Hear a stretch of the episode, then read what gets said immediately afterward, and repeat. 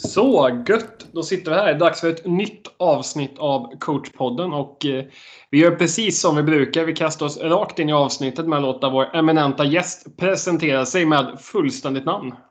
Eh, jag heter Lars Ivar Granqvist, Ivar efter farfar. Han var busschaufför i 1900-talets början i Solna och Sundbyberg. Ålder? 53, fyller 54 i oktober. Bor? Så, eh, Solna, du. eh, Gustavsberg är svaret på frågan numera sedan åtta år tillbaka, så det borde jag ha lärt mig. Men jag är född och uppvuxen i Solna. Ja, men det där sitter i. Jag har inte bott i Dalsjöfors som är min hemby på åtta år här, men jag säger mig fortfarande bo i Dalsjöfors när någon frågar. Ja, ja, det händer, vet du. Man, man halkar snett där. Men rätt svar nu är Gustavsberg. Mm. Moderklubb, och då tänker jag liksom, det kan ju vara första idrottandet oavsett om det var innebandy eller om det var någon annan idrott. Ja, det finns bara en förening, det är IBK Solna, innebandyn där. Eh, jag var i och för sig med på en fotbollsträning med Råsunda IS också som sjuåring, men det var på, eh, den hette Udden då, Råstasjöns idrottsplats i Solna. Det konstgräs där numera, då var det grus. Så var det hällregn. Vi ställdes upp på led och skulle nicka en sån här tung gammal läderboll och det gjorde så ont så att jag gick hem och därefter blev det ingen mer med Råsunda IS. Men det blev innebandy med IBK Solna istället. Lite Legenderna från början hette vi när klubben bildades. Så att svaret blir moderklubb IBK Legenderna. Om vi går över då till favoritlag och det kan ju vara inom alla möjliga olika idrotter. Ja, det är väl innebandymässigt så är det ju Solna som sen blev AIK innebandy. Eh, där jag ju var innebandymässigt tungt verksam under lång tid. Jag har fotbollsmässigt eh, i England Arsenal som favoritklubb. Eh, I, I Italien är det AS Roma.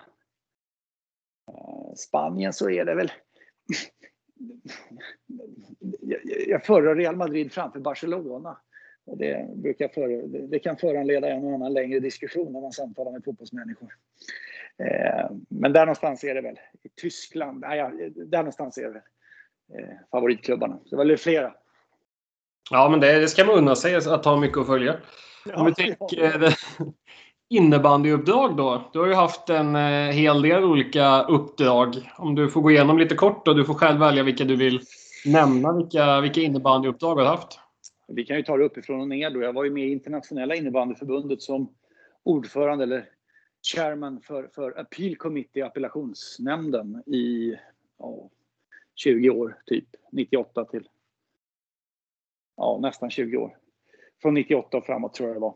Eh, och Svenska innebandyförbundet hade jag, satt jag med i förbundsstyrelsen i Svenska innebandyförbundet i flera uppdrag. Jag var förbundssekreterare, jag var landslagsboss, jag var domarbas ett tag till och med. Eh, valberedningen i Svenska innebandyförbundet också. Stockholms innebandyförbund hade jag tio år tillsammans med 98, 88 eh, till 98. Första fem åren som vice ordförande, sen blev jag ordförande på slutet där när Erik Höjser så jag bytte plats. Eh, och i klubbverksamhet så har jag ju varit på de flesta rollerna som det är i en mindre klubb. Under IBK Solnas tid, när jag började som ordförande där, när vi hette Legenderna. Eh, och sen var jag med i AIK innebandy under, under flera år också och jobbade med den sportsliga verksamheten. Men hade väl egentligen ingen officiell funktion eller roll då på den tiden. Så att, eh, jag, har, jag är glad över att kunna konstatera att jag har arbetat med förbundsarbete både internationellt och i moderförbund och i distriktsförbund. Men också klubb. Dels den lilla kvartersklubben men också den satsande elitklubben. Så jag skulle säga att jag har en palett som är, är, är variationsrik när det gäller innebandy. Har du någon koppling som, eh, om jag minns rätt här, så har väl du både, också, både spelat och dömt en hel del? Ja, jag var förbundsdomare en gång i världen. Jag lirade i IBK Solna, men det, där blev, det blev mer och mer satsning med det där. Man var tvungen att träna ordentligt och så. Jag tyckte jag var mindre roligt. Eh, spela match var kul. Men eh, och i början av innebandyn där när du tänk tidigt 90-tal så, så fick man ju, om man var ideellt verkande, var ju nästan alla tvungna att döma också för det fanns ju inte riktigt tillräckligt många. Så jag var förbundsdomare. På den tiden hette tävlingskommittén och domarbasen Stickan Engdahl i Bankeryd. Eh, han hette inte Bankeryd, han bodde där. Men, men eh, han ringde, han kunde ringa en fredagkväll och säga det. Eh, Lasse, nu har jag ingen domare här i Torshälla imorgon klockan 13.30. Kan du åka dit med Christer Sundström? Så, ja, fick man ställa upp på. Så det, så det längsta jag kom som domare var på kvartsfinalnivå. Eh, på här respektive på damsidan. Mm. Men om man får välja ut någon eh, favoritmatch genom den här innebandyresan, har du några minnen som sticker ut lite extra? det är ju mängder såklart, men det är 26, 26 mars 2000. Kvalet i Edahallen mellan Skellefteå, IBK och AIK innebandy då var ju en, en, en stark upplevelse. Vi, vi hade ju jobbat rätt hårt några stycken då eh, för att bygga en verksamhet som skulle vara elitmässig och kvalade då för att avancera eh, med match mot, mot, till dåvarande elitserien då i kval mot Skellefteå. Vi vann med 5-4 hemma och så förlorade vi med 5-4 borta och då blev det förlängning. Och efter 26,5 minuter i den där förlängningen avgjorde Patrik Edgren från ett väldigt löst skott. Det är, ju, det är ju inte alltid de läckraste grejerna som avgör i förlängningsspel. Eh, och, och avancemangen var ett faktum. Då. Så det, det, var väldigt speciellt för det var, det var många som hade slitit ganska hårt för det där avancemanget. Så det, var, det ligger mig nog varmast om hjärtat som idrottslig upplevelse. Och just det, det, den sekvensen när Patrik Edgren avgör, den är ju lite spännande för det finns ju två stycken snarlika situationer. Det ena är ju när han avgör som jag såg live när Rotebro kvalar till herrallsvenskan. De har då gått bra i sin division 1-serie, mötte Hagunda och jag har sett de två målen på Youtube och de är ju i princip identiska. Jaha, okej. Okay. det var väl även mer... SM-final han gjorde ett snarlikt mål. Ja, ja finurlig Patrik Edgren. Finurlig. Men han var ju han var ju egen produkt och en spelare som, som vi som liksom burit laget hela vägen fram och, och, han spelade upp oss i den högsta serien och han var ju sedermera också även lagkapten faktiskt i det laget som vann SM-guld 2009. Så han fick ju till och med vara med och lyfta pokal i, i Globen. Så han, eh, han har en stark koppling till, till verksamheten från Solna-tiden då genom AIK-tiden. Han gjorde faktiskt någon landskamp också, tror jag faktiskt. Ja, eh, i något breddläger.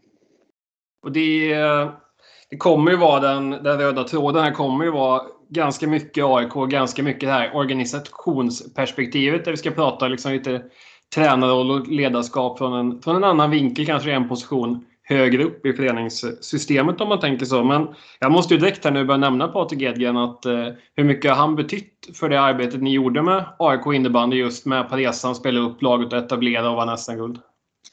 Men jättemycket. Han var ju, vi jobbade ju så att vi hade ju nära kontakt med några spelare. För att det är viktigt i en verksamhet att du har koll på vad som händer, vart vi är på väg och att du också har möjligheten att stämma av med nyckelspelare om de stegen klubben vill ta. Alltså rekryteringsfrågor exempelvis. Eh, även då när man ska, ska bredda verksamheten, ta in tränare och sådana saker. Så är det några du hela tiden vill ha en närmare kontakt med. Och jag hade jag vet inte hur många luncher jag haft med Patrik Edgren på på den här kinesrestaurangen, Kina-restaurangen nära Sundbybergsgränsen i Solna. Det var buffé där, var väldigt bra faktiskt. Han åt ju som en häst, men det spelar ingen roll. Eh, så, så det, det, det, har varit en stark betydelse skulle jag säga. Och jag tror att det är så, så det här handlar ju också om att det är ju inte så att du som ledare all, alltså du, du vet ju inte bäst, kan inte allt, förstår inte allt och så vidare. Utan det handlar ju om att, att eh, hela tiden längs resan ta intryck, resonera, samtala, fundera. Sen handlar det om att fatta beslut. Och då kör vi ju på det. Då, då är ju det tillräckligt förankrat för att det är den här vägen vi ska gå, det är det här vi vill göra. Eh, och då gäller det att du med kraft genomför det. Det går ju inte att sitta då och dividera utan då har du bestämt det. Jag tänker liksom, eh, om jag har rätt uppgifter där så var väl, eh, jag tror till och med du sa det förut där, så det skulle vara pinsamt om jag har fel, men var det 1996 som ni så ni blev en del av AIK, AIKs paraplyträda eller? Ja, det stämmer. Det var 1996. IBK Solna eh, grundades ju i november 1985 som IBK-legenderna då.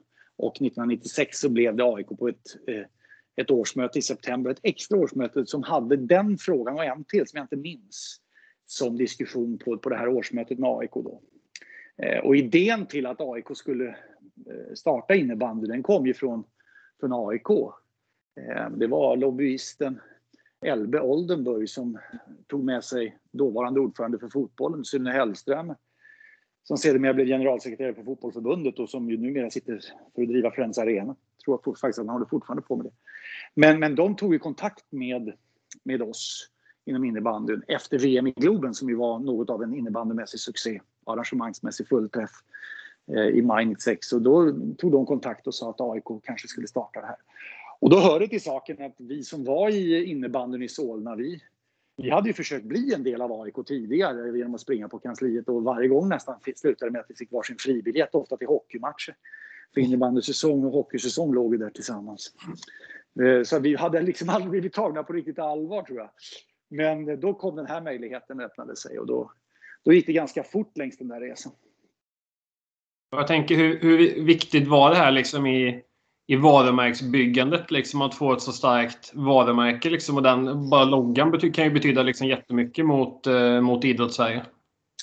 Jo, men vi hade redan börjat en sån resa. Vi hade ju slutat heta IBK Solna ända till Solna innebandy då. Vi tog fram några, några souvenirer och såna grejer tror jag man minns rätt. Och det var Mikael Demadis som, som drev på den där processen och det var också för övrigt i en sväng där jag lämnade klubben för att jag höll på väldigt mycket med distriktsförbundet då. Vi hade ju som sagt ett VM-arrangemang Eh, som tog eh, hejdlöst mycket tid. Eh, och, och, eh, jag tyckte att jag hade hållit på tio år, det räckte liksom så. Men sen så var det ju den här processen med AIK innebandy som kom och då, då kontaktades jag av Elbe Oldenburg och Sune Hellströmer och då fick jag ju dra, omedelbart haka, haka frågan över till Dimadis och så blev det ju en grupp som började jobba med den så att säga. Men vi hade redan uppmärksammat den här, vi behövde liksom bli tyngdpunkt på Solna istället för innebandy och sådana saker. Det blev Solna innebandy då. Och det är klart, det var det ju, det var ju de allra flesta var ju Eh, var ju aik som höll på i verksamheten. Det är ju en Solna-klubb då. Eh, och Solna var väl vid den tidpunkten i alla fall lite huvudort för AIK. Både fotboll och hockey trots att de lirar hockey på Söder. Eller söder om Söder rättare sagt. Mm. Mm. Och då blev det, jag menar processen var, jag tror att vi var 41 stycken på, på 40 eller 41 var vi som röstade när IBK Solna höll extra årsmöte. Eh, och det var ju, det var ju Eh, en som röstade, alltså det var två av, avgivna nej-röster om jag minns rätt. Den ena var Jim Frimodig, för han, det var ju handuppräckning. Han eh, eh passionerad djurgårdare nämligen. Eh, fast han sen var med första säsongen, men duktig, rightare, född 73, duktig som tusan.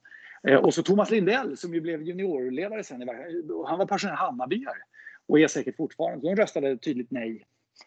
Och sen var det en som la ner sin röst vilket var min barndomskompis Lars Alettinen för han, han sa att så fort vi, vi var barndomskompisar och eh, var med och bildade innebandyn från början. Men han röstade alltid emot mig, för han hade det som princip.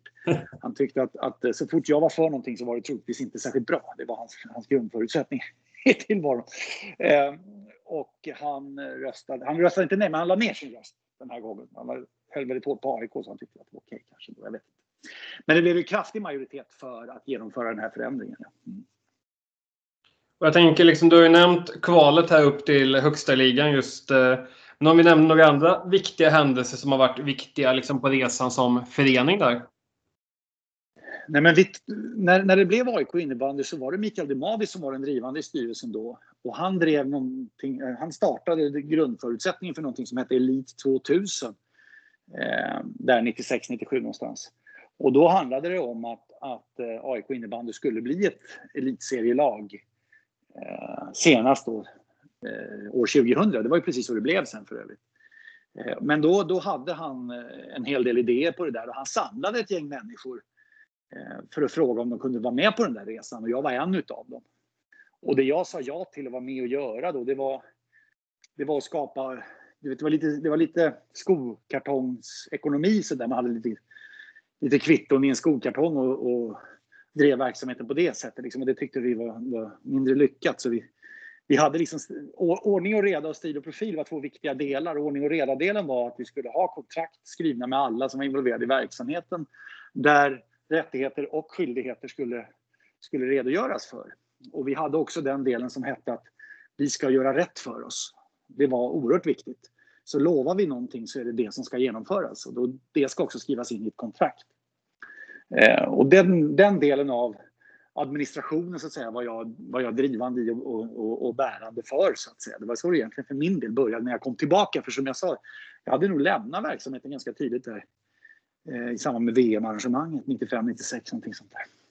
Och då började vi bygga och då, då, då var det också en, en princip som sa det att vi ska ha ett, vi ska, vi ska ha ett, och det, det var ju extremt inriktat för att nå elit på herrsidan. Då var inte damsidan påkopplad i samma resonemang. Och jag tror backar alltså om du, om du överför samma förutsättningar om vi skulle ha den här diskussionen idag så skulle det vara alldeles självklart att ha herr och dam ytterst parallellt. Eh, men då var det inte så, utan då var det herrsidan vi diskuterade och, och, och, och drev så pass hårt. Då. Eh, damverksamheten fanns, men inte lika satsande då. Men vi sa det att vi ska ha ett lag som är en division bättre än där vi spelar. Så när vi låg i division 2, vi var för tvungna att vinna division 2 för att ligga kvar i samma divisionsnivå därför att de gjorde en serieomläggning. Så att vi kunde inte gå upp liksom, utan i serieomläggningen blev vi kvar i division 2 genom att vinna serien. Men vi sa att vi i division 2, då ska laget kunna vinna division 1. Och vinner vi division 1, då ska vi kunna ha ett lag som, som är kvalificerat för slutspel i högsta ligan. Så, så var det liksom. För på den tiden fanns inte elitserie och allsvenska, utan då hette det väl elitserie och sen division 1. Så det var, det var en princip vi hade. Och vände oss uttalat också i ett första skede till etablerade elitspelare egentligen som höll på AIK. Och då kunde man ju ha den diskussionen. Sen var det såklart att det var ju om du, om du var en skicklig spelare som passade bra in i vad klubben ville göra så var ju inte det en måste på något sätt. Det fanns ju, fanns ju spelare som lirade matcher med en Djurgårdströja till exempel under AIK-matchstället för att inte AIK-märket skulle få komma närmast hjärtat och sådana saker. Eh, och det ska man ha största respekt för. Men, men vår målsättning var ju att sportsligt hela tiden leverera resultat. Och, och, och det, så det var en del att peka på. En, en, annan del var att vi ville göra en ung satsning. Och för oss handlade det om spelare födda 80-81. Vi tidigt var inne på eh, titta på hur, hur de lirade i stadslag i olika delar eh, av, av, Sverige och sådana saker, och inte minst i Stockholm. Då. Och där, där kom ju spelare som Gustav Eriksson och, eh, och, och Per Svensson och eh, Andreas Fröberg. Per Svensson var ju från, från Västergötland, men Eh, Andreas Fröberg, Mats Karlsson och Kristoffer Kranberg och den här kategorin av spelare som vi byggde mycket på sen plockade vi in där. Och sen hade vi den tredje delen av att vara attraktiva för de riktigt stora namnen. Vi, vi, vi drevs av att kunna göra säsongens värvning varje år. Det, eh, det kunde inkludera en utländsk spelare eller en, en, en svensk spelare. Det spelade egentligen roll. Då, ett exempel på det var att vi var ju oerhört angelägna om att värva landslagets kapten eh, Micke Gunnarsson. Eh, redan när vi var i, i division 1, var underliggande divisionen till högsta ligan. Eh, men han tackade nej då. Väldigt sent faktiskt. Ja, vi, var, vi, var, vi var himla nära att få den. Men han ville väl fortsätta på, eh, han lirade ju Fornudde på den tiden och han ville satsa på landslag och VM och sådana saker. Men det första som hände när vi gick upp det var att vi i princip att vi kunde säkra den namnteckningen. Och, då, och i och med att han kom över så kom en sån som Henrik Lorendal med också så kunde vi, kunde vi få en starkare attraktionskraft i klubben. Så det är egentligen de delarna att ha ett lag som är bättre än den division du tillhör. Eh, Försök hela tiden göra det lite bättre. Bygg någonting du tror på på unga spelare. I det här fallet, slutet på 90-talet var det ju, ja, de var väl i 17-18 års åldern typ. Eh, det vi snackar om kategorin 80-81. Och var attraktiv för de riktigt stora namnen liksom, i, i rekryteringshänseende. Vi värvade ju till exempel finska landslagets kapten Jaakko Hintikka också. Eh, det var väl hyfsat nära att få Mikael Järvi som då var en, en irrationell rightare med, med olikfärgat hår. Så här, som, som det var på också som tusen. Jag tänker, för det är jäkligt intressant det du pratar om att just kunna vara bättre än divisionen man spelar till den dagen man går upp också. För det kan man ju se, nu, nu är min personliga åsikt här, men ibland kan man ju se vissa lag som har gått upp en hockeyallsvenskan och sen byter ut liksom 70-80% av truppen. Ja när de går upp till SHL då, liksom, i och med att man hade många på ettårskontrakt och liksom sådana saker. Men eh, det är otroligt intressant det här med att jobba med långsiktighet och inte bara liksom en sportslig satsning som sträcker sig över ett år utan att vi ser flera, flera år framöver här. Men vi plockade ju fram just, just med, med bärande orden långsiktighet och kontinuitet. Det är ju två himla tråkiga ord. Men de två orden då. Vi, vi, vi, vi plockar fram något som heter femårskontrakt för nyckelspelare. Eh, eller förlåt, det heter kontrakt Nyckelspelare med stamkontrakt, så heter det. Eh, och de erbjuds femårskontrakt och de gjorde vi ju så lukrativa som vi någonsin kunde. Utan att driva fram en ekonomisk ersättningsmodell. Utan här handlade det ju om att ta ansvar för spelaren, spelarens familj, eh, yrkesvägval, eh, hjälpa till på bostadsmarknaden genom de avtalen och, och samarbetspartners som, hade, som, som klubben hade vid den tidpunkten. Eh, så så jobbade vi ju. Eh, och det var ju spelare som Micke Gunnarsson och Gustav Eriksson och Per Svensson och Henrik Lorendal och, eh, som skrev den där långa Michel Kammerer erbjöds ett sånt också. Och det, Michi var väl den enda som aldrig... Han lämnade ju AIK istället. Han gick via... Han, jag tror han studsade i Schweiz någonstans eller någonting sånt. Eh, eh och sen var ju han en av våra huvudkonkurrenter i... i eh, ja, de hette ju Solna-kamraterna och Råsunda och... Eh, vad hette de här på slutet nu då? Caperi och Täby. Med, Ja. med, med sponsrad utav, utav eh, Christer Haglund och Caperi.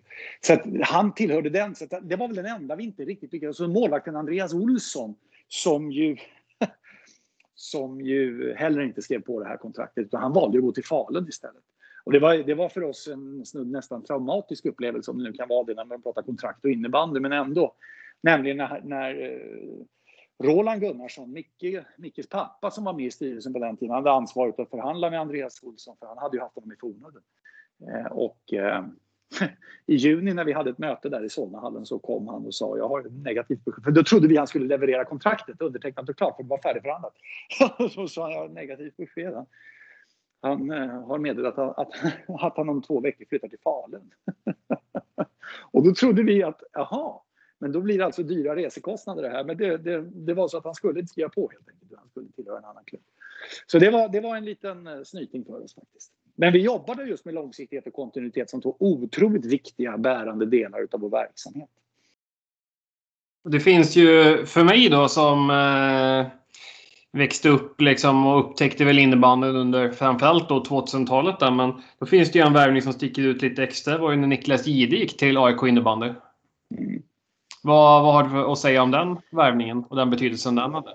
Ja, men det var ju, det var ju väldigt, alltså den fick ju genomslag utanför innebandykretsar kan man säga. När den, när den gjordes. Så det var ju också precis en sån där som att vi, det var en värvning som Alltså Niklas Ide är ju mitt i prick med alla ingångsvärden egentligen.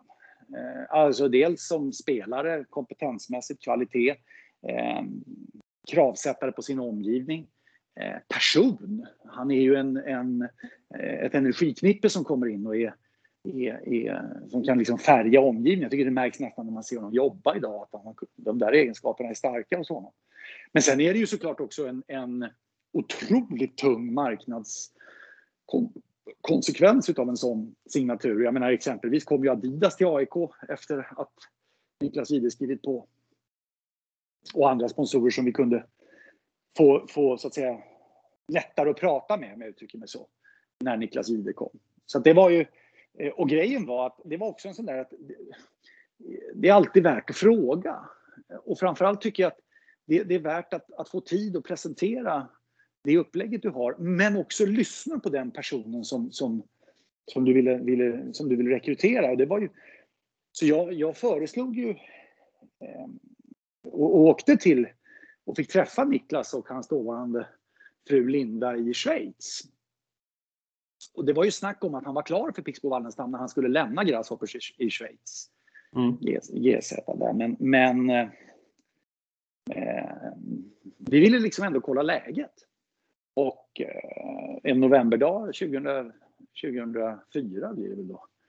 Så eh, flög jag till, till Zürich och hämtade som Niklas i världens minsta bil för övrigt. Han hade ju här- de var ju sponsrade av smartbilar tror jag de hette. Otroligt små. Så, så Niklas och jag satt ju i princip där i framsätet. Vi gick ju, genom att skjuta bak sig till baksätet i princip så fick vi någorlunda plats med knäna. Och huvudet stack nästan upp genom takluckan där. Så körde, körde han då hem och vi fika och snackade och så vidare. Och då, då fick jag några timmar med att, att träffa både Niklas och Linda och skaffa mig en, en någorlunda bild av vad de hade för tankar och, och, och funderingar för, för sin framtid när de flyttade hem.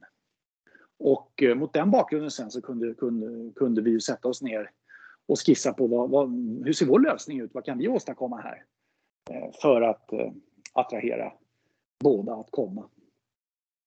Och vi var ju, vi var ju, eh, alltså vi var ju noggranna på den tiden, eh, eller det är de säkert nu också, men eh, exempelvis visste vi ju att Linda var från Bollnäs. Eh, Vi tog, alltså det, det är smidigare resväg från Solna till Bollnäs än vad det är om de hade varit och spelat på västkusten. Eh, Den som visade lägenheten för dem när de var på besök i januari hos oss var precis bara några dagar efter nyårsafton där. Eh, och vi mötte Storvreta då, kommer jag ihåg. Men den som visade lägenheten, det var, han hette Lennart och jobbade på fastighetsbolaget. Men han var från Bollnäs och han och Linda kunde prata Bollnäs eh, grejer liksom. Det som var, var nu det som är stort i Bollnäs, det vet jag inte. Men så, och, och liksom, så, att- så att vi hade noggranna samtal med alla som var involverade i det här. Sen var det ju extremt liten krets som hade kunskap också om vad, vad, vad vi ville göra, det vill säga värva Niklas Jihde. För vi var ju oerhört måna om att det här skulle vara så tyst som möjligt. Eh, för att överhuvudtaget kunna landa affären. Liksom. Vi ville ju heller inte väcka konkurrenter att Niklas kanske var på gång och inte gå till Pixbo Wallenstam som alla trodde. Och då kan jag säga, det var Jan-Inge Forsberg som, som det finns ju några passionerade innebandyledare som, som har betytt enormt för sporten genom åren han är en av dem. Och eh, det var klart att han fick ju reda på att det kanske inte var självklart att Niklas skulle komma till honom igen i Pixbo. Och eh, då började ju Pixbo Wallenstam röra på sig också för, för att eh, övertyga Niklas. Vi visste ju alls inte hur det skulle väljas att gå. Mm, mm. Men jag minns att, att jag tror att det var datumet var den 15 januari. Jag minns i alla fall att det var en söndag för att jag var på väg in och jobba på Tegeluddsvägen mitt på söndagen där och då hade Niklas, det var inte på något sätt mycket pengar, men det fanns en som sponsorerna hade skjutit till, eh, sån här signeringsbonus som löpte ut ett visst klockslag. Det var klockan 12 den där söndagen. och eh, det var klockan fem, nej klockan 15 var det kanske, jag spelar ingen roll. Så att det ringer, för jag, jag, skulle, jag, jag skulle in på kontoret klockan 12 och det ringer i telefonen halv 12 och då är det Niklas. Och eh, då säger han att han vill skjuta på det, säger de. Och jag säger, ni får vänta hur länge ni vill, det är inga som helst problem. Ja, men vad gäller med bonusen? Jag minns inte summan nu faktiskt, men det var, det var inte, det var, det var inga hundratusen kronor i alla fall, utan det var väsentligt mindre. Eh, och då sa jag, ja, den gäller ju till det, det liksom, den kan vi inte hålla på och skjuta på, det går ju inte, utan det är, deadline är ju en deadline så att säga. Det lär man sig om inte annat i journalistbranschen. Eh, och eh, eh ja, ja, okej, så han så la han på så ringde han igen efter tio minuter och då tackade han ja. Och då sa jag det att det, det är jätteroligt, grattis till ett bra beslut, men jag behöver ju eh, det här. Det, på den tiden fanns något som hette avtal för spelare, vilket var en standardmall. Eh, och vi ville ju ha hans namnteckning på ett avtal för spelare som gällde i svenska övergångsbestämmelserna då. Mm. Och knöt honom till AIK innebandy. Och eh, då kommer jag ihåg, han var ju tennistränare där. Så jag kommer ihåg att han åkte ner till tennisklubben och faxade den där handlingen. Eh, och jag kunde ringa ordföranden då som var informerad om, men inte, han, ordföranden hade ingen detaljinformation om hur det gick längs resan, men visste om att det var på gång. För det är klart att de hade ju sett och godkänt dem det kontraktsmässiga upplägget vi hade som förslag. Och eh, säga att du måste hålla koll på faxen. Så att, och den kom. Eh, så det var, det var, det var, då minns jag att jag, hela den här, den här lilla gruppen av människor som hade jobbat med det här, vi hade en telefonkonferens där på, på kvällen sen och sa att det här var ju, var ju fenomenalt. Men då sa, nu ska jag komma till Jan-Inge Forsberg egentligen. Men då sa Niklas så här, jag vill inte att ni går ut med det, sa han. Förrän på onsdag. Eh, och jag sa att ja, men alltså, det här är ju en stor nyhet, vi kan inte ligga på den, det är omöjligt. Mm. Men sa han, jo jag vill det därför att Pixbo måste få chansen att hantera det här internt. Eh, eller om vi skulle gå ut med det på tisdagen så var det nog, tisdag kväll var det. Eh, och eh, ja, det, det, är klart att de kommer ju läcka alltihopa så tappar vi ju liksom, nej det blir inte, ja, okej. Så vi, vad skulle vi göra? Liksom, vi accepterade ju det. Och det hyllar jag Jan-Inge Forsberg för än idag. Att, att, eh, det har gått 15 år sedan det här och mer än det. Men Eh, de sa inte ett ljud externt. Utan Pixbo Wallenstam fick möjligheten att prata med sina sponsorer och sina intressenter som har varit involverade i att få tillbaka Niklas. Konstaterade att det gick inte och liksom skötte det duddersnyggt ska jag säga. Så vi kunde gå ut med releasen istället då på tisdagen precis som vi ville. Så att det var... Med tanke på hur länge jag pratar om detta och hur detaljrikt du får historien berättad för dig så kan man ju konstatera att det här var någonting som, som, som vi tyckte var rätt bra. Ja, jag vill ju minnas liksom också vilken genomslagskraft sportsligt också. För det här var väl någonstans under de åren som Niklas eh, jag vet inte om han var utsedd till världens bästa just det året, men han var väl helt eh, klart med och nosa liksom på den titeln de, de åren. Absolut. Alltså det, det, men, men, men då var det också att vi... Det här, det här lämnades ju sen till... till det, det, alltså hur, vi, hur det ska omsättas i laget och vad som ska hända och ske, det är ju upp till coachen att mm. sköta och hantera så att säga. Utan det här var ju och det var ju en rätt stökig tid i AIK under, under Niklas första år. Eh, vi hade Bruno Lundberg som tränare och han entledigades från uppdraget i december månad och vi hade ingen ny tränare på plats och då var Niklas för skadad, en axelskada som höll honom borta i tre månader. Och till sist fick vi efter Bruno Lundberg Micke Gunnarsson och Johan Nilsson, klubbdirekt. Eh, Johan Nilsson rekryterades lite på 90-talet eh, och Micke Gunnarsson har vi pratat om tidigare. Och de gick in gemensamt efter att vi hade gjort uppgörelse med respektive fru faktiskt Eh, om att det var okej okay för dem att köra så, så, så, lyckades vi få det på plats. Och de, de, eh, var ju sen de som coachade oss under våren. Då. Det blev ju extremt lyckat eftersom vi, efter en otroligt stökig vår, vi gick ju till slutspel först genom en omspelsmatch mot Jönköping. Där nuvarande årets domare Thomas Andersson, nu dömer han med Rickard eh, Wissman. Eh, då dömde han inte, men, men det var Thomas Andersson, det var en omspelsmatch. De hade gjort ett, ett regelfel nämligen i att missa visa ut någon, jag kommer på exakt. Och då blev det omspel mellan AIK och Jönköping och den flyttade AIK från Solnahallen till Linköping. för att lägga den liksom på neutral plan närmare Jönköping. Liksom. Och vann den där eh, omspelsmatchen och gick till slutspel på det. Eh, och, och vann SM-guld sedermera. Så det var, det, var liksom, det, var, det, det, var många saker som hände föreningsmässigt i den här perioden. Så att säga. Men Niklas gjorde ju, vann ju ett SM-guld till och var med i en extremt framgångsrik period för klubben. Och, och ja, superproffs måste jag säga. Superproffs. Jag tycker det är intressant, du nämnde ju här lite med tränares uppdrag och så. Liksom, men om man tänker då, liksom, hur jobbade ni med rekrytering av tränare de här åren? Att, eh, vad hade man för ingångsvärden? Liksom, fanns det en spelmodell satt? Eller liksom, eh, var det helt upp till tränaren att bestämma sånt? Eller liksom, hur, hur såg rekryteringsprocessen ut? Den växte under tid och förändrades över tid. Eh, men när vi, när vi, om vi backar till, till stil och profil och ordning och reda-tiden när, när Mikael Demadi samlade ett gäng där och vi var några som sa att nu ska vi sikta på Elit 2000. Då ingick det en tränare som stämde in på den beskrivningen. Och eh, nu blir jag nästan lite känslosam när vi ska prata om Joakim Nordström. Han mm. gick ur tiden här alldeles nyligen på grund av ALS. Eh, och lämnar fru och, och två, två döttrar. Men, men eh, Joakims insats var ju enorm han kom in med, med den otroligt tydliga spelidén 2-2-1. Eh, och jag, jag, blir nästan... Eh, jag pratade med AIK innebandys, jag tror ni sekreterare Marita Liebacke Asp som sitter i styrelsen där, som sa det nu med, när Joakim gick bort och ville skicka blommor till begravningen. Då, då, då, då, sa hon det att du ska veta det, sa hon, att eh, några, eh, alltså, några ungdomslag spelar fortfarande 2-2-1 i AIK. Så det, det var liksom, han kom med en spelmodell som, som vi tog till oss utav och som var så extremt tydlig hur spelarna skulle uppträda. Jag kan inte taktik och sådana grejer. Det är tränarens uppdrag att kunna det. Eh, men, men, men, extremt tydlig med den modellen. Och var ju verkligen mitt i prick för det vi ville, ville göra. Vi, vi, vi, från Tyresö kom ju Joakim då och hade med sig Johan Nilsson som jag nämnde tidigare förresten. Som ju var skadad när han kom och stod i båset tillsammans med Joakim. Men just det här med att också det är tydlighet i spelet, det är en stil och profil. Vi hade ju, coacherna stod i kostym, du vet, vi, vi åkte och lirade i, i Eh, Sala är borta i någon liten sporthall en fredagkväll och då står, kommer AIKs ledning in i kostym och AIK-slipsar och så där. Så det, vet, det var ett jäkla liv alltså. Och jag hatade mer än någonsin alltså. Men glöm inte, det var alltid fullt. Det var absolut smetfullt. Va? Och, och, och det, det, kunde vi ju alltid säga till att det är samma sak i Stockholm. Så spelade vi mot Hässelby Kälvesta i, i, i, i eh, Hässelbyhallen. var ju fullt. Va?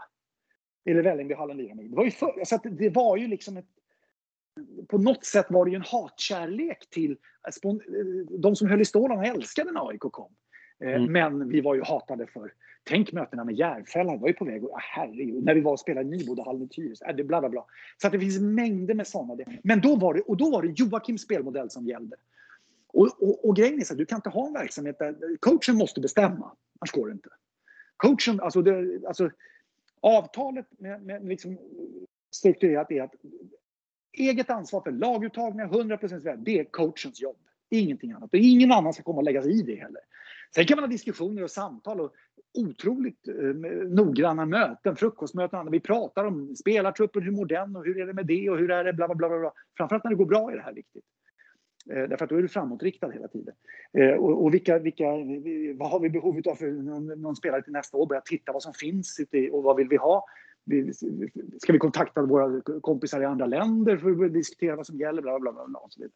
Jag hade aldrig fått Jaco Hintik om inte ringt Heksi Arteva. Han hatade ju Sverige, några starkt ord, men han kraftigt ogillade ju Sverige runt VM. För han var ju någon överledare för Finland jämt. Men så Hexi kunde man ju ringa liksom och säga att vi vill göra era spelare bättre. så, så, hur får vi Hintik? Ja, ja, ja. I give you, I give your number. I, Lars, you're, you're a Swede, but I like you. I give your number. och så vidare. Ja, du fattar. Ja. Eh, så, så det var, det var men det bestämde coachen. Det som ändrades var att klubben tog efterhand över ansvaret för spelidén.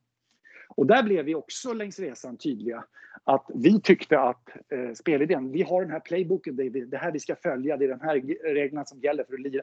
Vilket innebar att vi var ju tvungna att hitta en tränare som matchade den spelidén vi hade och ville genomföra. Så var det exempelvis med Ulf Hallstensson när han kom till AIK. Eh, och han tyckte att den spelidén var helt i linje med vad han stod för. Eh, och ville utveckla. Så den playbooken vi hade, det heter ju playbook då, spelidé. Eh, den playbooken vi hade när han kom till klubben, den utvecklade han med och utvecklade. Men vi hade ju ett extremt nära samarbete med Ulf Hallstensson under, under det som... Vi tog ju silver hans första år, straffförlust mot Varberg och sen vann vi ju Mm. Eh, vann vi SM-guldet 09 då. Sen var vi ju jättebra säsongen 09-10 fram till mitt i densamma ungefär. Sen lämnade ju Ulf eh, klubben i... Eh, fick, ju, fick ju lämna i förtid därefter. 2011 kanske. Ja, tiden går fort. Så, att, så att som svar på din fråga så att, och jag tror också att det är viktigt att organisationen måste växa längs resan. Man kan inte bara hela tiden stå och stampa på samma ställe. Då finns det ingen utveckling. Det var det jag pratade om i inledningen. Hade, jag, hade jag nu varit med i en verksamhet, hade ju, att, att starta herr och damverksamhet med lika villkor, en fullständig självklarhet eh, tycker jag, eh, år 2021. Men när du backar det här bandet eh, till 1995 och 1996, då var det inte det. Så det händer ju saker som utvecklar verksamheter och eh, påverkar våra beslut. Jo, men så, så är det ju liksom att när man tittar tillbaka liksom över tid så är det ju många beslut och värderingar som går att, eh, går att ifrågasätta. Men jag tycker det är så otroligt intressant den här 221 För jag hade ju med Henrik Lorendal i ett tidigare avsnitt och försökte liksom bryta ner liksom vad den bestod av. Liksom. Han, var ju, han var ju väldigt hemlighetsfull och pratade mer om att det nästan är en värdegrund. Att liksom man jobbade hårt och slet och kämpade. Liksom. Sen absolut att det fanns detaljer men det är ju så starkt förknippat med AIK innebandy just när 221 liksom. Ja, Joakim Nordström. Det var ju han som designade. Och, och vi, vi, från Tyresö kom ju då också, som jag sa, Johan Nilsson som sen blev sportchef, han blev klubbdirektör. Eh, I den svängen var ju också eh, Frasse, Thomas Fransson med. Som blev materialförvaltare och sen gick över till landslaget i den rollen sen sedan. Men det var en ganska stor, nästan isländsk ut, nummer 22 Frasse, han var back. Va? Eh, och då var Magnus Hedlund med. Mange Hedlund som ju var, jag vet inte vad han gör idag, eh, oerhört speciell alltså. En sån jäkla målskytt. Men, men eh, en egen vilja liksom. Och han hade ju mängder med bråk med Joakim. Men det var ju, det var ju Joakims drömspelare. För han gjorde precis det han skulle i det här 2-2-1 systemet och hade sånt himla skott. Va? Så han, jag vet inte hur, han gjorde mål jämt. Va? Mer eller mindre. Eh, men det blev ju tuffare när lagen blev bättre som vi mötte. Och men det var ju, det var ju också eh, spelare som, som var i den, i den rollen de skulle vara så var det perfekt att rekrytera dem. Och det här var ju spännande för det var ju den fasen vi började bygga på de här 80-killarna som jag pratade om. Eh, som ju ändå var tvungna att komma in och anpassa sig i det här systemet lite grann.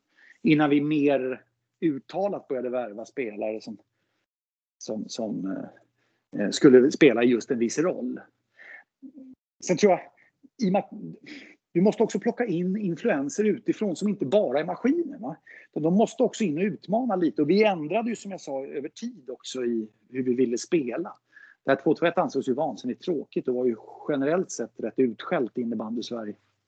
Eh, det var en mix av att de givetvis tyckte det var tråkigt men de gillade ju inte att det gick bra för, för den klubben Joakim representerade heller.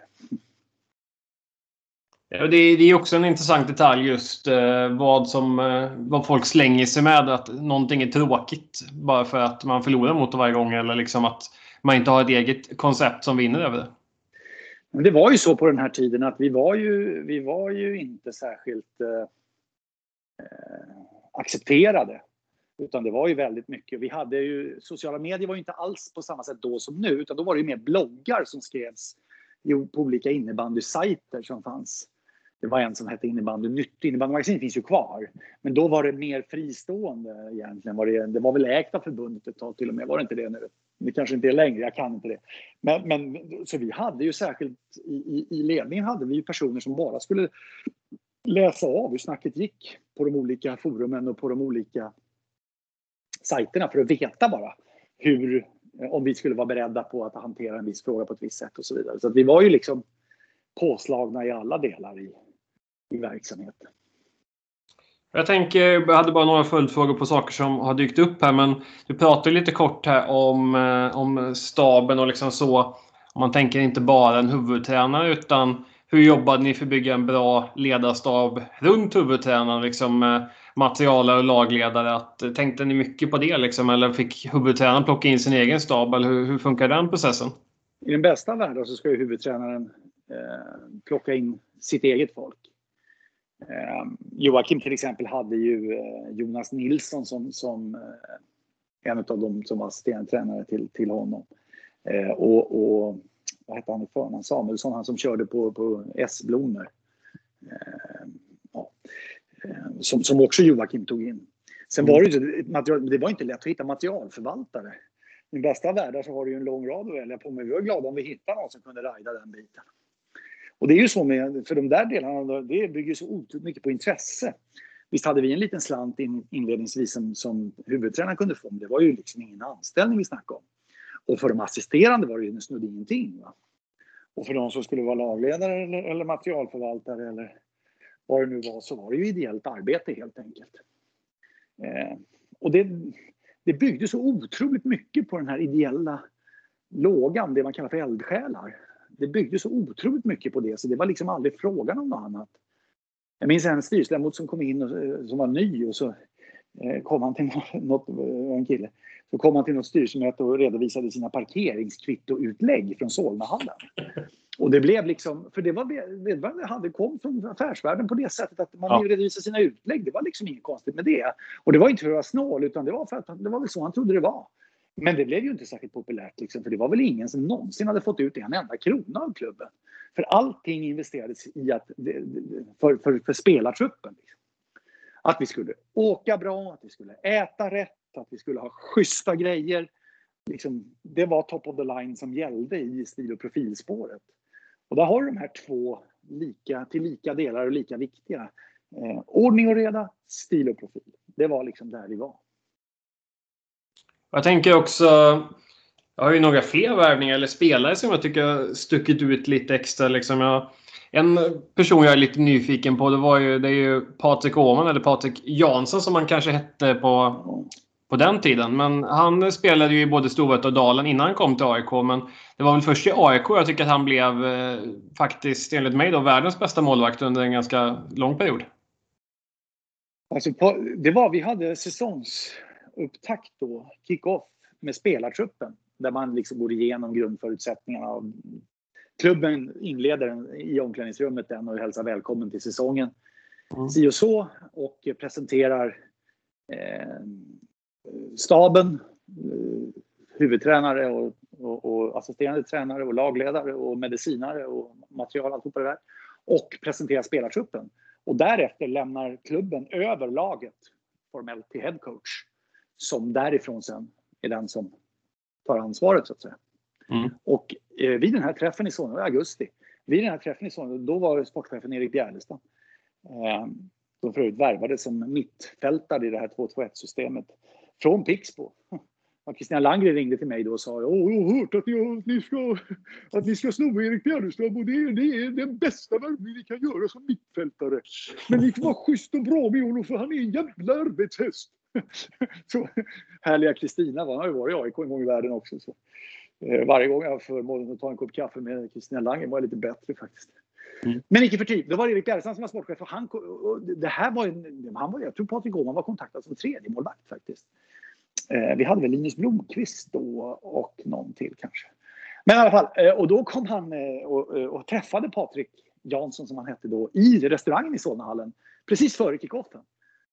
Eh, för jag sa, vi kan inte vänta, vi måste liksom köra igång. Vi har, sagt, har vi sagt att vi ska köra det här datumet, då måste vi meddela allt och så kör vi.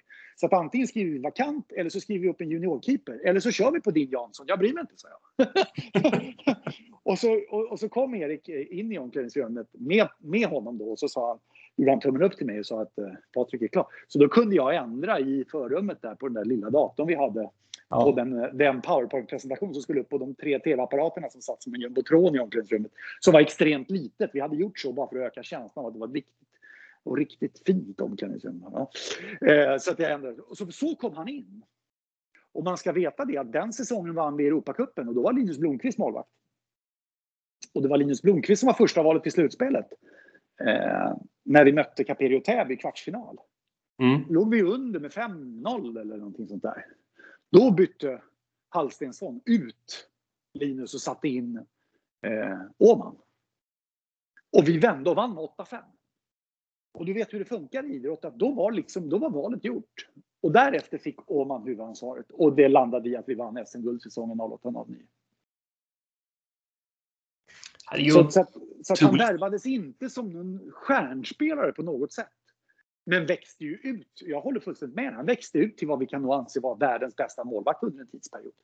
Extremt vinnarpsyke. Och det, jag ska säga att det, det är någonting som har präglat de här personerna och individerna som har varit med i det här. Vägen fram till vinst är det enda som har varit intressant för dem. Och du kan prata om Patrik Åhman då, du kan prata om Niklas Ide, du kan prata om Peter Fischerström eller Conny Westerlund eller Per Svensson eller Gustav Eriksson. Ta vem du vill utav de här. Så är det där du hamnar. Du kan ta Christian Gertsson som ju är liksom nummer 12, egen produkt som liksom stod framför mål och var tuff. Som, som sin, sin uh, USP, som sin unika eh, viktiga poäng. Liksom. Men vägen fram för att vinna, den var odiskutabel. Liksom. Och det gällde Patrik Åhman också.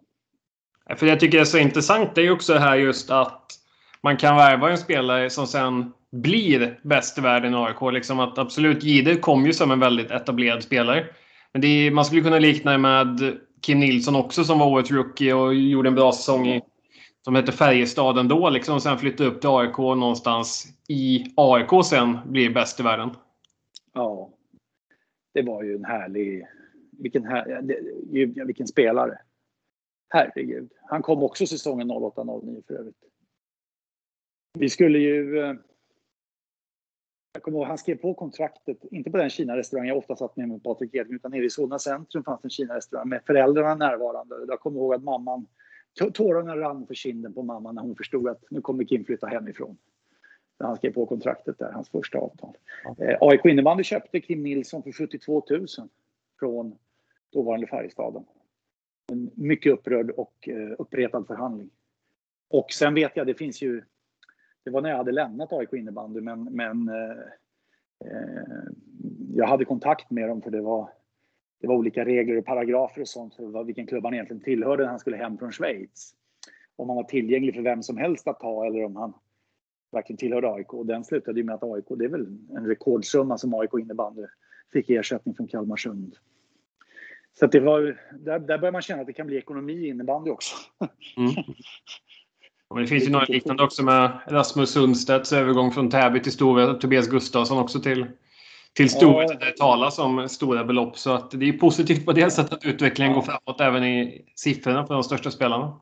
Sundstedt har jag lite koll på eftersom eh, när Maimon, Maimon Abdallah, den underbara Maimon, kom från kvarteret Täby till AIK var jag faktiskt fortfarande involverad en del och, och pratade med honom om det där. Men, men eh, jag hävdar fortfarande med bestämdhet att Kim Nilsson är igång. Den, den andra du pratar om har jag noll koll på, så det vet jag inte. Kan jämföra med. Men icke förty. Eh, den här vinnarviljan fanns definitivt hos Patrik Åhman för att landa hos honom igen. Och, och den, han utvecklade ju den också. Det visade väl kanske att han inte riktigt fått chansen tidigare. För rimligen har han ju haft samma genetiska förutsättningar att vilja vinna länge. Jo, men sen kan jag tycka det är det som är så intressant att försöka bryta ner liksom vad det var som gjorde liksom, att de egenskaperna kommer fram där. Liksom. För det, det, är liksom, det är det som är intressant att försöka liksom, föra vidare till, till nästa generationer organisationsledare eller föreningsmänniskor. Liksom. Ja. Hur, hur lockar du fram liksom, någons fulla kompetens? Och det har ju onekligen skett i väldigt många fall under de, de åren i AIK. Ja. Jag vet inte. Alltså du måste, det är så många delar. Alltså en ideell organisation bygger som jag ser så, det, på den tiden jobbade vi ideellt och den ideella organisationen bygger så väldigt mycket på att du ska tillvarata människors vilja att dela med sig av sin energi, som det så vackert heter. Det vill säga, folk måste få möjligheten att göra det de är bra på. Folk måste vara rättvända och folk måste vara, känna att de får en, ett uppmuntrande ord också i en, i en, i en positiv organisation, så att säga. Eh, och där var, det, det som var en fördel för oss också faktiskt var att omvärlden hade, som vi har varit inne på, rätt mycket åsikter och synpunkter och, och gillade oss inte. Eh, och, och, och, det ogillandet ledde ju till att när du själv känner att du är utsatt för en viss form av verbal beskjutning mest hela tiden, så då är det lättare. När du, när, då vill du känna när du är hos laget att det här är familjen. Och då är det lite lättare att sluta runt. Att stänga en, en omklädningsrumsdörr och, och, och, och sluta runt det här laget. Och få alla att börja dra gemensamt åt att vi ska visa att vi, vi, vi är faktiskt bäst. Och den, den hade vi lite nytta utav när vi, när vi, när vi jobbade så. Vi jobbade ju till exempel inför innebandyn hade ju den här familjefesten kan man säga i samband med finalen på Globen och alla bodde på Globhotell och så vidare. Men det gjorde inte vi. Utan vi bodde med vårt lag eh, ute på 32 rum och kök i Sigtuna istället. Där hon som drev det, hennes make, VD på Scandic Hotel förut, alltså, eh, var, var starka eh, sponsorer till klubben egentligen. Vi pröjsade för att vara där, men ett förmånligt pris. Eh, och, och, den här eh, brorsan till han eh, vd på Skandia, brorsan superkock liksom, var där och vi hyrde från golv till tak, 32 rum och kök innehåller just 32 rum och kök, så vi hyrde rummet liksom. Och det var, det var bara vi där och otroligt stark, eh, stark sammanhållningskänsla alltså. Eh, checka in fredag och ha fredag eftermiddag kväll frukosten matchdagen, liksom bussen till Globen. Och det där var, det, det där var, var väldigt starkt. Och vi byggde egentligen det från det att vi med Uffe Halstinsson som huvudtränare, vad var grejen? Ja men vad fan, ta de här betongbarnen, för många var ju från 08-land, eller storstad i alla fall. Ta, ta dem upp till, till Tornedalen. Till, till eh, det finaste Sverige har i naturväg kanske. Mm. Och liksom gör någonting med utgångspunkt från, från Ulf Halstenssons hembygd. Eh, det var också starka minnen faktiskt. Men det är väldigt intressant det här att prata om, liksom, och, om kultur och förutsättningar och så. Och nästa fråga faktiskt i lite större perspektiv än just en enskild förening. Men det var när jag googlade runt lite så hittade jag en krönika som du skrivit 2010 med rubriken Vad är det som händer? Eh, och där lyfter du frågor om liksom lite vem som äger frågan om elitutvecklingen i Sverige. Mm. Mm. Det kopplar sig lite, liksom inte till någon enskild match eller så, utan generellt. Liksom, att vem, vem ska förvalta liksom, arbetet med att utveckla just elitsidan eh, inom svensk innebandy? Nu när vi sitter här så här 11 år senare, liksom, tycker du att vi har fått något bra svar på frågan eller är den fortsatt lika aktuell? Jag tycker det börjar vända åt rätt håll efter tio år. Men det som hände var ju 2007 lämnade Per Jansson ordförandestolen i Svenska innebandyförbundet. Eh, det var en liten, eh, ingen vildhjärna, men han hade, han hade lite roliga idéer. Eh, och han drev ju elitfrågan framför sig också. Och ersattes av, han, han blev bortröstad på årsmötet och ersattes av Lars-Gunnar Tjärnqvist från Skelleftehamn. Som inte riktigt hade samma drivkraft i de här frågorna. Och det var väl kanske därifrån jag tog avstamp efter en, en VM-final där man kunde konstatera att Sverige hur ser satsningen ut på landslaget? Jag vet inte, jag kommer inte ihåg exakt krönikan. Jo, men det är åt det hållet. Åt det håll. Så att jag, jag, och då kan jag säga så här, det har varit, det har varit rejält mörkt för vem som leder elitutvecklingen i Sverige eh, under, under åren 2018, 2019 här. Eh, och kanske en del av 2020 också, jag vet inte. Men där det har varit direkt öppen konflikt mellan innebandyförbundet och elitserieföreningen. Eh, serieföreningen om vem som ska äga rättigheterna och sälja elitverksamheten. Mm. Och det är ju en, en där det liksom, de, de hotar att bryta sig ut och bilda en egen liga. Och, och, och förbundet svarar med att det skulle vara uteslutning. Och alltihopa slutade med en, en, ett möte som direktsändes på nätet ute på, på Arlanda. Eh, där liksom Riksidrottsförbundet var inkallat som, som eh, en diplomatisk kraft, liksom, som medlare. Eh, och distriktsförbunden, äntligen får jag säga, för all makt i innebandy Sverige ligger ju där. De har ju, om distriktsförbunden bestämmer sig för att rösta bort en ordförande och in med en annan så blir det ju så, för de, har ju, de, de äger ju rösterna på årsmötet. Va? Och, Riks, och, och distriktsförbunden engagerade sig och, och röt i och sa nu får det räcka. Eh, och först då, först då blev det ju en, en, en eh, lite mer lugn i leden. Eh, mm. Och då, då, blir jag, då blir jag glad över att se att det är lite nya figurer på, på en del stolar här nu som jag tror är för, en fördel när man ska göra någonting som, är, eh, som, som ska lyfta. Eh, Jörgen Lindgren är, är, är ju deltid, va? VD för eh, Svenska Superligans eh, intresseorganisation. Eh, han kommer ju tidigare från för övrigt en suverän linjeman i ishockey, på hög nivå, VM-domare. Men, men han kommer ju från, från eh, ordförande, eller från generalsekreterare, vad säger man? VD-stolen på Svenska Hockeyligan en gång i världen. Ja, han var ju kraftigt ifrågasatt där och fick sparken, men ändå. Nu är han innebandy. Mikael Alerup som ju eh, är generalsekreterare numera på Svenska innebandyförbundet. Det här är ju två stycken eh, personer som inte har någon koppling alls till de här konflikterna som har varit. Och det tror jag är bra. Klipp det. Bry inte ens om att skaffa för mycket information om det, utan bygg nytt. Va? Eh, och det tycker jag är, är, är kolossalt bra. Så att jag ska säga att du, du, du ja, det, kanske kan vi se en... Men jag, jag, jag, är ju, jag tycker inte den svenska satsningen på landslagen imponerar. Jag, tycker inte att, jag, jag, förstår inte besluten som, som Svenska innebandyförbundet fattat i pandemitiden. Man säger ja till att spela SSL här, ja till att spela SSL dam, ja till att spela allsvenskan här, nej till att spela allsvenskan dam. Jaha. Va, va, varför då? Va, va, vad är det som gör att, SS, att allsvenskan här ska vara mer professionell då än allsvenskan dam i ersättningsnivåer? Det kanske är så att det har varit en enorm utveckling på den punkten, jag vet inte. Men jag är tveksam. Jag tycker inte Svenska innebandyförbundet kan vara nöjt med att konstatera vad är fördelningen? Är det 79% manliga licenser och 21% kvinnliga eller något sånt där? Det kanske har växt till 78-22 nu så att det har, det har minskat i gapet. Men förstår du vad jag menar? Alltså det här är ju frågor som man måste jobba med dagligen och hela tiden. Och vara otroligt påkopplad med. Och det, tycker jag är, det, det, därför, och det här behövs ju, och du måste ha ledarskap i en sån här fråga. Du måste ha ledarskap i en sån här fråga. Och grejen är så här, Svenska innebandyförbundet finns till för föreningarna. Inte tvärtom! Och det här, ja. jag lovar dig, om, du, om samtliga föreningar i Sverige lägger ner under ett år så skulle det på Svenska innebandyförbundet endast innebära att de skickar böter för att de inte har kommit till matcherna. Alltså, och det är det här man måste komma in i och det är själ och hjärta för sporten. Själ och hjärta för sporten. Det är en ideell sport från början och det är därifrån vi ska bygga. Och det är det ledarskapet jag har saknat under så många år. Under så många år! Och det är möjligt att vi kan få se att det är på väg att ändras till det bättre nu. Jag hoppas verkligen det. Men jag, och jag, är, jag är lite för långt ifrån idag för att, att, att ikläda mig någon roll där jag kan säga att jag vet hur det var. Däremot den här rättighetsdiskussionen mellan serieföreningen och förbundet, den följde jag mycket nära. Och det var mörka år för innebandyn. Och det är förlorade år som du inte tar igen bara genom att öppna fönstret och säga oj, nu har vi vädrat.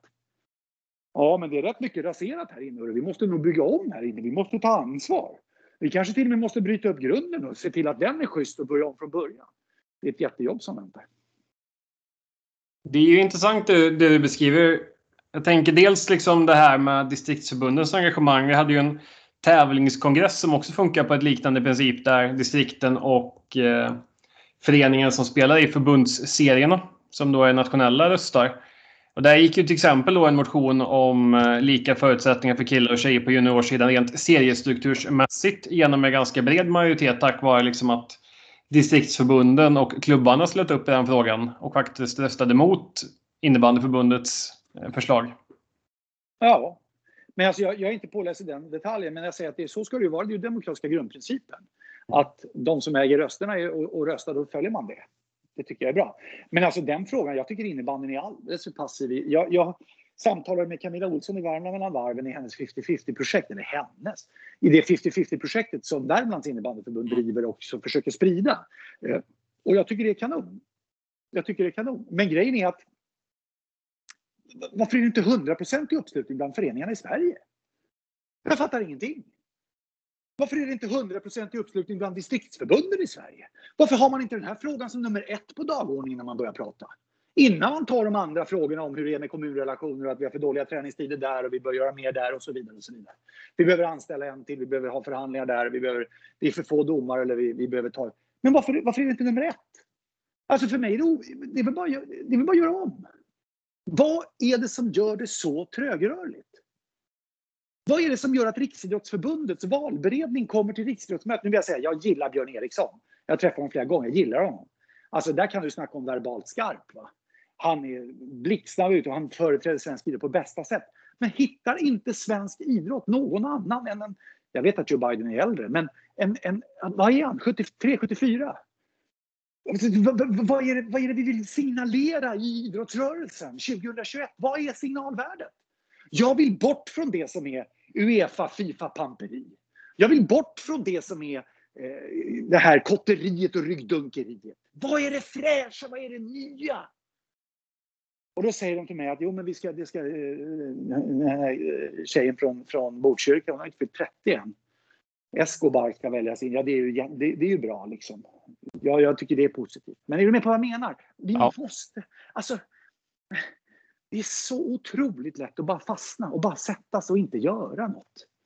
Jag säger till Thomas Eriksson, det är en superkompis till mig. Så du har suttit som, som president i internationella innebandyförbundet i 25 år. Vad är på gång? Liksom? Vad har ni? Vad händer? Är du med? Alltså det måste... Mm. Nu, är han, nu är han fräsch i pallet tycker jag. Jag menar han driver frågor. Internationella innebandyförbundet, det första de gjorde var att betala tillbaka avgifter till sina respektive nationsförbund för turneringar som inte har genomförts. Svenska innebandyförbundet behåller pengarna. Va? Svenska innebandyförbundet behåller serieavgifter på serier som aldrig är genomförda när pandemin kom. Jaha, hur tänker ni nu? Vilka är det som behöver pengarna? Ja, men det är väl föreningarna. Det är väl de som driver sin verksamhet på ideell basis som varenda krona betyder gigantiskt mycket för. Dit ska ju medlen.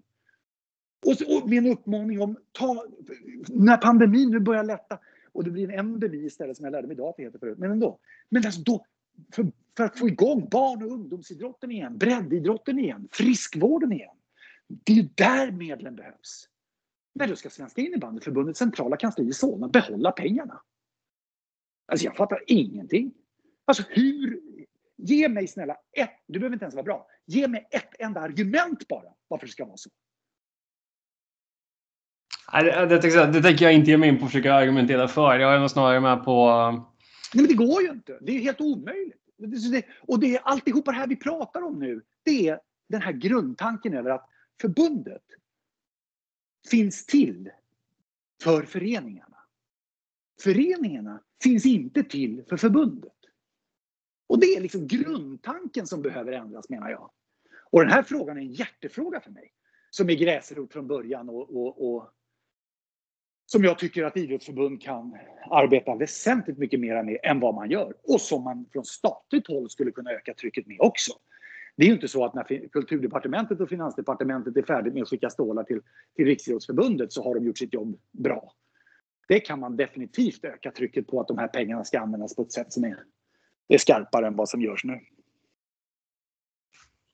Jag tänker ett av de ämnen du var inne på var ju faktiskt en, en fråga jag ville komma in på ner ännu mer. Det är ju den här 50-50 utbildningen som då framförallt då Camilla Olsson och Värmlands innebandyförbund har tagit fram och har gjort ett otroligt bra jobb. Jag har själv nästan gått klart alla lektioner fast dubbla gånger. Jag går där faktiskt med dels mina kollegor på jobbet och dels drog ihop en liten eh, ett litet härligt gäng innebandytränare som då inte är aktiva som en förening utan vi är ju liksom tränare på våra håll och kanter eh, på alla möjliga sätt. Men just diskussionerna och de eh, resonemang man får ha i de här frågorna är ju extremt nyttigt och kompetenshöjande. Ja, jag är helt enig. Helt enig. Och det är bra. Och det gläder mig, det uppmuntrar mig att liksom tycka att det är... Och, all, och, och grejen är så här, det är den här envisheten som finns i ett sådant projekt som kan belöna sig till slut.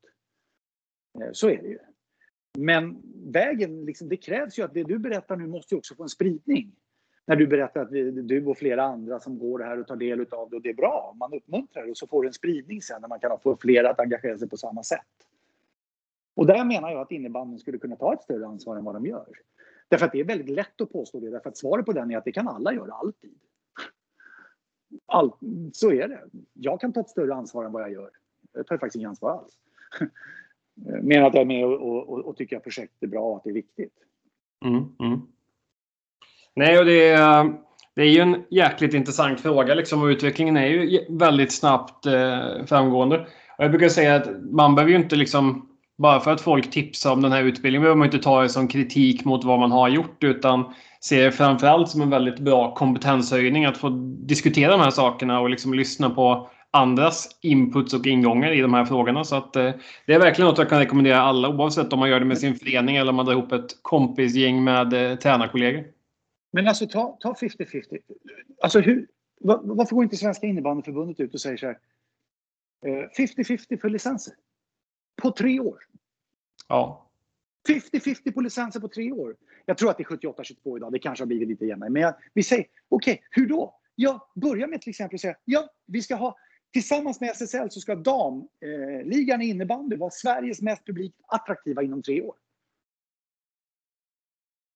Jag menar, titta på snittsiffrorna i allsven, damallsvenskan i fotboll. Titta på snittsiffrorna när det är hockey. Titt, handbollen är, är tuff att slå. Va?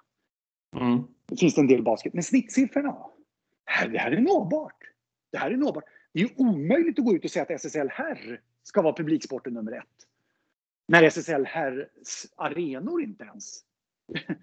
alltså, vad, vad, vad, Färjestad har väl ändå, om de har arenan öppen, ett snitt på nästan 7000. Eh, Skandinavium med sitt 12 044 då och då drar ju också upp. Alltså det går ju inte. Och ett Stockholmsderby i fotboll är ju fullt liksom. 30 000 och det är fullt i Malmö på 23 och allt vad det är. Det går ju inte. Men damsidan. Vad händer om du säger att du ska göra det? Ja, då kan du koppla på andra satsningar till det här också. Det, det, där förbundet kan tillskjuta medel också och säga att det, det är profileringen som, som, som är avgörande och som det handlar om här. Gå ut till era sponsorer och säg nu lyfter vi damsidan till 50-50 på tre år. Vi ska vara Sveriges publiksport nummer ett. Hur bidrar ni? Erbjud, olika, erbjud profileringen, paketeringen. Lyft en match med Sveriges Television, det var SVT. En, en kväll i varje tisdag kväll 20.00 är det veckans matchdag. Vad, vad konkurrerar du med då på, på, på TV? Då får du, nu snackar jag tablå-tv, då svimmar ju folk för fan. Det är bara streaming som gäller, jag fattar. Men, men i grund och botten. Men då, och för mig är det så här, så här, Stefan Jonasson finns på Svenska innebandyförbundet idag. Och du som är en vaken innebandykille ser, var det han som stod i mål i Sumpan när Stefan Rehn lirade där på 80-talet? Exakt han! Han har ju suttit som marknadsansvarig på AIK fotboll ja. i 200 år. Och, och grejen är, han har ju överlevt alla kamper och maktstrider i AIK. Det är ju typ en i månaden. Han har ju överlevt rubbet och bara kört. Va? Det är en kanonvärmning av Micke Alerup som är generalsekreterare där uppe. Och jag lovar dig, Jonasson, han tände hundra på det här. om han får chansen att förstå att det är stort. Men var är samtalet, var är diskussionen, var är öppningen? Varför driver inte styrelsen i Svenska innebandyförbundet en sån här fråga? Varför ringer inte någon i styrelsen till, till, till eh, SSL och säger nu kör vi det här, kom igen nu. Jörgen Lindgren, var är du? Herregud, nu kör vi. Och så är du med? Alltså, det är lätt att säga att 50-50 projektet är viktigt. Det är en helt annan sak att visa det. Ja, för någonstans måste ju börja med, liksom, med handling. För det var faktiskt ett... Eh, Fan, du får just... igång mig så mycket här nu så att jag är orolig för att det är ingen människa som vågar lyssna på det här. De kommer, kommer, alla viker in den lyssnande sportkepsen liksom och tänker där karln är ju en dåre. Men gränsen mellan dåre och geni, den är hårfin. Ja, så det kan, vi, vi väger över på andra sidan. Men det var ju faktiskt det vi pratade om. För jag ligger ju till viss del också tillsammans med var ju vi från Uppland där jag då arbetar och eh, Värmlands innebandyförbund. Vi drev ju här väldigt hårt just lika tävlingsförutsättningar för killar och tjejer på juniorsidan. Och liksom, det är ju där det måste börja. Att vi liksom, innan vi kan gå ut och säga till alla våra föreningar att vi, de ska jobba med 50-50 och gå det här. Dels måste vi gå utbildningarna själva som vi gör nu med eh, mina kollegor. Och dels måste vi liksom se till att våra förutsättningar, det budskapet vi skickar ut, är jämställt och liksom spelar ingen roll om det är killar eller tjejer. Det ska vara liksom relativt i så stor utsträckning det går ska det vara lika sett till liksom förutsättningar och saker som är givna på förhand. Men, men Johan, hur är det överhuvudtaget möjligt att ni måste slåss för det här? Ni måste argumentera för det här. Därför att förbundet har en annan uppfattning. Jaha, ja, ja, okej, okay. se där ja. Men liksom, ja. då har vi en ganska, alltså det, för i mina öron när du pratar, ja, men det låter ju som en självklarhet. Och någonstans, nu låter jag väldigt förbundsifrågasättande och då vill jag stryka under att jag från början är förbundsmänniska själv. Jag kommer jag från Stockholms innebandy, jag bildade en egen klubb först i och för sig, men sen var det Stockholms innebandy, den svenska innebandy. Så jag, jag vet liksom att förbund, det är helt viktigt och helt centralt, men förbundet ska ju inte driva en egen verksamhet. Förbundet ska ju ligga och lyssna, vad vill klubbarna, vad är vi på gång att göra, vad vill föreningarna? Distriktsförbunden ska göra samma sak. Upplands innebandyförbund måste ju veta hur går snacket ute bland klubbarna? Vad är det som är på gång? Vad tycker man? Vad står man för? Och höra att det är på gång och komma med egna idéer, impulser och så börjar man snacka ihop sig. Och så börjar hända. Man kan ju inte ha en situation där förbundet tycker en sak och, och, och, och föreningarna genom SDF då en annan. Det är ju i grund, det är klart det kan hända. Missförstå mig rätt, det är klart att det kan hända. Men det kan ju inte vara så att vi ska ha en tävlingskongress där förbundet, ja förbundet förlorade flera frågor. Nej, men, nej, nej, nej, nej, nej, nej, förbundet ska inte bli...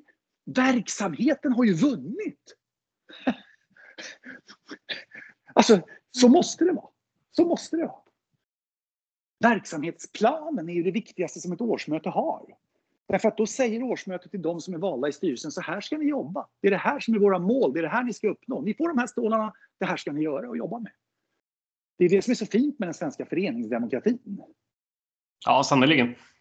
Eh, jag tänker för knyta ihop den här eh, långa resonemanget och utläggningen så ska du få faktiskt få tre stycken innebandyönskningar som då per automatik i den här utopin vi bygger upp här blir uppfyllda.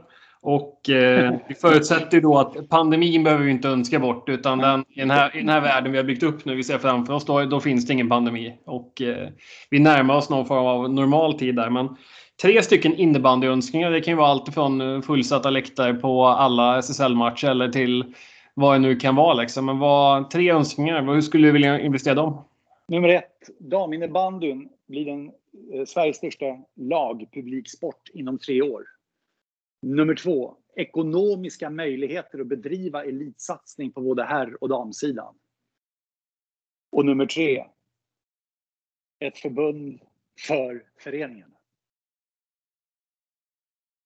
Du var, var osedvanligt snabb och konkret på de där, på de där ja, men jag kände att det summerar lite grann det vi har snackat om. Va? Ja. Sen så ska du få... Finns det någon innebandymatch som du går och längtar lite extra till eller ser fram emot? Att du känner att den här kittlar lite extra mycket? Jag såg ju SM-finalen på herrsidan här, Storvreta och eh, Falun.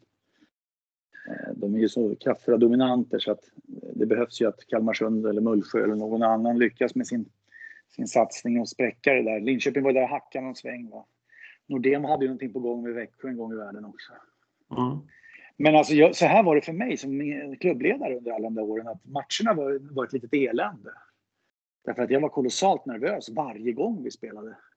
Och jag, jag var ju ökänd i Solnahallen för att gå runt hela tiden. Jag var ju aldrig still. Utan ett, jag kunde gå utanför arenan ett tag och jag kunde, om jag inte var speaker. För då var jag ju, då var jag ju superfokuserad eh, på uppdraget. Det var jag under många år speaker på hemmamatchen. Då var det ju det som var nummer ett. Då hade man inte tid att vara nervös för då var det ju liksom att jobba med Lennart Bleski, matchsekretariatet och sådana grejer. Att det funkar med musiken och vad händer och säkerhet som skulle jobba med.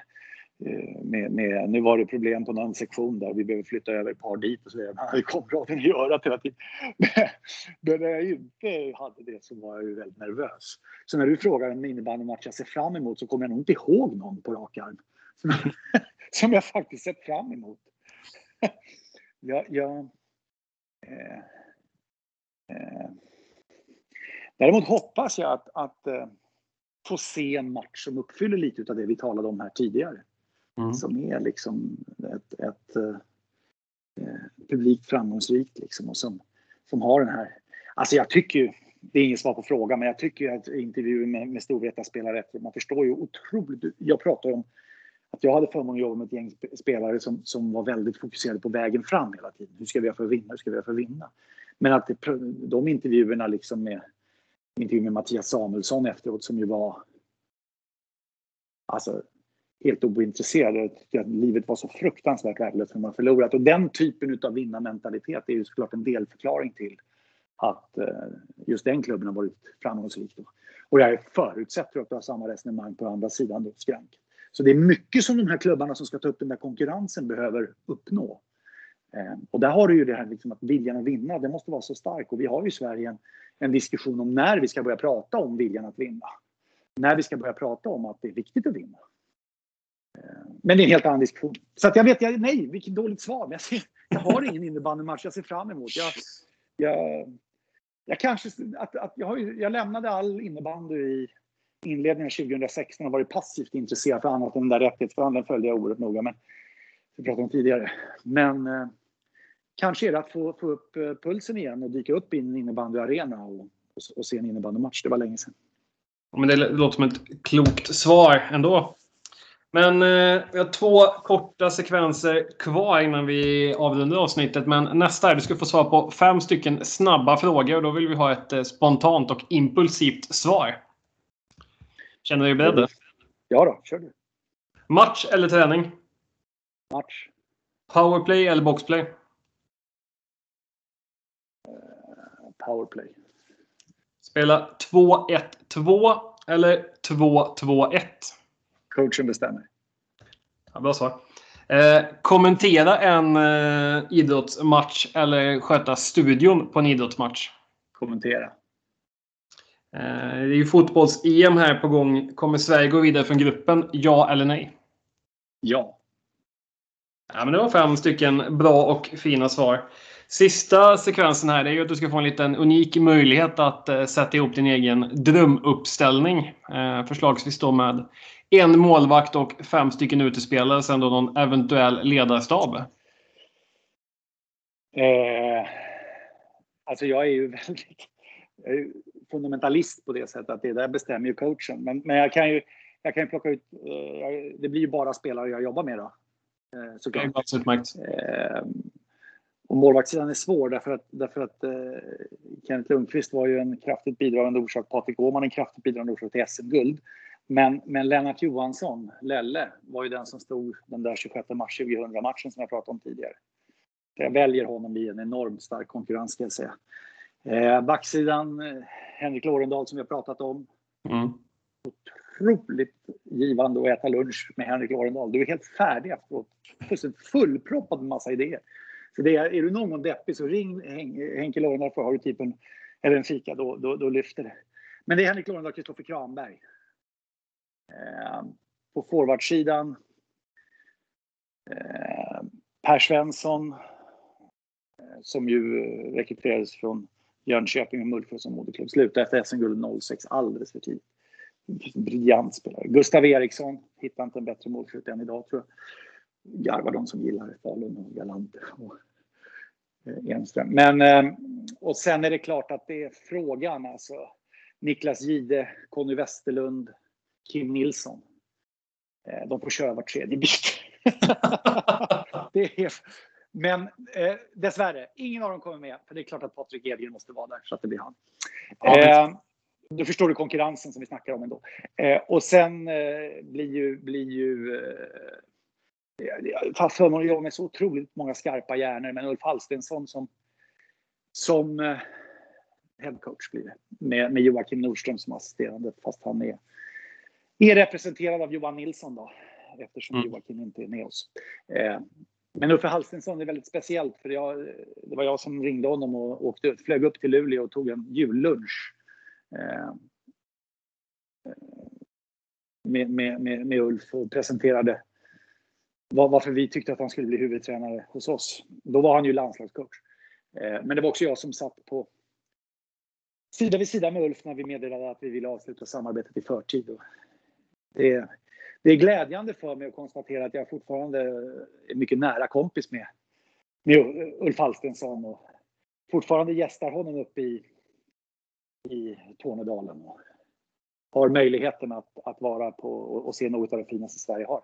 Men det för mig, och det, det, vi har fortfarande mycket nära kontakt och för mig är det lite grann det det handlar om i idrotten. Att, som klubbledare, att det handlar om att rekrytera det bästa, eh, se det bästa byggas under, under den ledningen, vinna både Europatitel och svenskt mästerskap. Men sen också se att nu körde vi fel och efter en viss tid, i det här fallet var det ett och ett halvt eller två år, känna att vi får, vi får skiljas åt.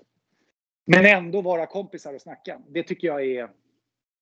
Därför att grejen är så här, när du är verksam som klubbledare kan bli det sista här. Jag förstår att jag pratar mycket och länge, men eh, blir så engagerad i samtalet. Men det viktigaste som klubbledare, det är att din lojalitet måste ligga med klubben och ingen annanstans. Alla beslut som du är med och fattar måste vara för föreningens bästa. Ingenting annat. Och de gångerna du är inne i en diskussion och blir överbevisad eller någon trumfar ut dig och säger det bästa för klubben är det här.